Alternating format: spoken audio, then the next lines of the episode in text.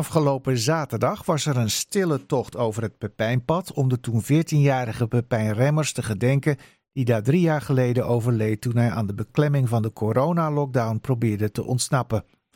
Je hoort zijn vader Gaston na afloop van de stille tocht.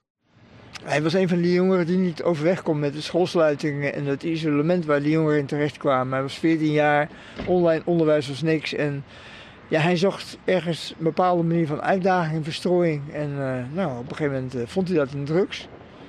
Is hij daarmee wat gaan experimenteren. En zijn, uh, nou ja, omdat ook heel zijn dag-nachtritme was verstoord, omdat er geen totaal ritme meer was, is hij op een goede avond hier terechtgekomen. En ja, heeft hij een tentje opgezet. heeft drugs genomen, wilde zichzelf warm houden in die donkere januari-avonden met een barbecue'tje en toen is hij overleden aan combinatievergiftiging. Ja, het is geen op zich staand uh, tragisch incident. Hè? De pijn is wel een beetje het symbool geworden voor hoeveel de jeugd heeft geleden in die coronaperiode. Uh, ja, tegen wil en dank. Uh, ja, precies. En, en, dat hebben we vooral gemerkt omdat we nadien heel veel reacties hebben gekregen uit de buurt, maar eigenlijk ook uit heel Nederland. Want het is onze zoon Pepijn, maar er zijn heel veel Pepijns in Nederland. Jongeren die het echt zwaar hadden in die tijd. En dat zag je niet zo 1, 2, 3 aan hem of aan, aan de jongeren. Maar ja, dat leidde een beetje tot isolement, tot verveling, tot gevoelens van eenzaamheid, tot een gebrek aan kunnen sparren met elkaar. En dat hebben ze heel hard nodig in die, in die leeftijd. Ja. Heeft u enig idee hoe het nu drie jaar later gaat met de jeugd in dat opzicht? Eh, nou ja, ik volg natuurlijk de kranten en ik lees ook de berichten dat de mentale staat van de jongeren best wel uh, precair is. Dat heel veel jongeren wel wat problemen hebben. Uh, meer dan, uh, dan voor de coronaperiode. ik ben er geen specialist in. Ik, ik, neem alleen maar waar dat ze het moeilijk hebben. Ja. En wat ik daar belangrijk aan vind, is dat we genegen zijn om dan met die problemen aan de gang te gaan van de jongeren. En dat is goed natuurlijk, maar we moeten voorkomen dat ze problemen krijgen. En dat kan door veel beter ons als volwassenen op te stellen. Want we hebben gewoon geen goed voorbeeld gegeven. We hebben elkaar in isolement geduwd en we hebben elkaar niet weten te helpen daarin. Ja. Nou, het uh, Pepijnpad is een blijvende herinnering. Wat betekent dat voor u? Nou, ja, het betekent op zoveel lagen iets. Om, de, in de, om te beginnen betekent dit dat wij dit pad hebben gemaakt samen met de buurtbewoners.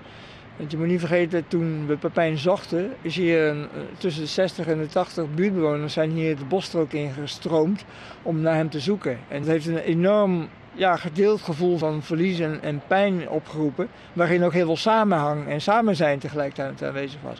En samen hebben wij dit pad gemaakt, volgens de vermoedelijke route die hij in de tijd is gegaan. Uh, en daarmee bezig zijn, ja, dat is een manier van met het verlies omgaan. Er waren nu toch ook weer behoorlijk wat mensen hè, op deze stille tocht. ja, ik heb ze niet geteld, maar uh, misschien heb jij dat beter kunnen doen. Nou, maar... Tientallen, 30, 40. Nou ja, dan heb ik toch een ander Ik denk wel dat we tot de 60 of 70 uh, oh. kwamen. Ja, dan reken ik de muzikanten mee, moet ik wel bij zeggen. ja, ja. En die waren er ook, dus... Uh... En het pad, hoe gaat het daar nou mee verder? Het had vanavond allemaal mooie lichtjes onderweg. Ja, nou, wat we willen doen is uh, het pad meer betekenislagen geven. En na een aantal jaren, het is nu alweer drie jaar geleden, zijn die ideeën wat rijper geworden wat we daarmee kunnen doen. En we gaan een stichting oprichten, die heet Pepijn en Hoop. En wat we willen doen is onder andere het pad van meer betekenislagen voorzien. En met name rondom het thema omgaan met verlies. En of dat nou verlies is van je gezondheid of zelfs van je leven. Of dat nu van jezelf is of dat van iemand anders, zoals in dit geval van mijn zoon. Of het omgaan met andere soorten van verlies. Bijvoorbeeld het verlies van bestaanszekerheid. Of het verlies van toekomstperspectief. Of het gevoel van verlies van verbondenheid. Uh, leven wat dat betreft in barre tijden. Nou, we leven in barre tijden. En we zullen echt de komende jaren... gaat er heel veel veranderen. En we, dingen gaan niet meer hetzelfde zijn. En wij hebben ervaren dat door het aanzien van het verlies en die pijn... daar niet voor weg te gaan, dat er dan zich iets opent.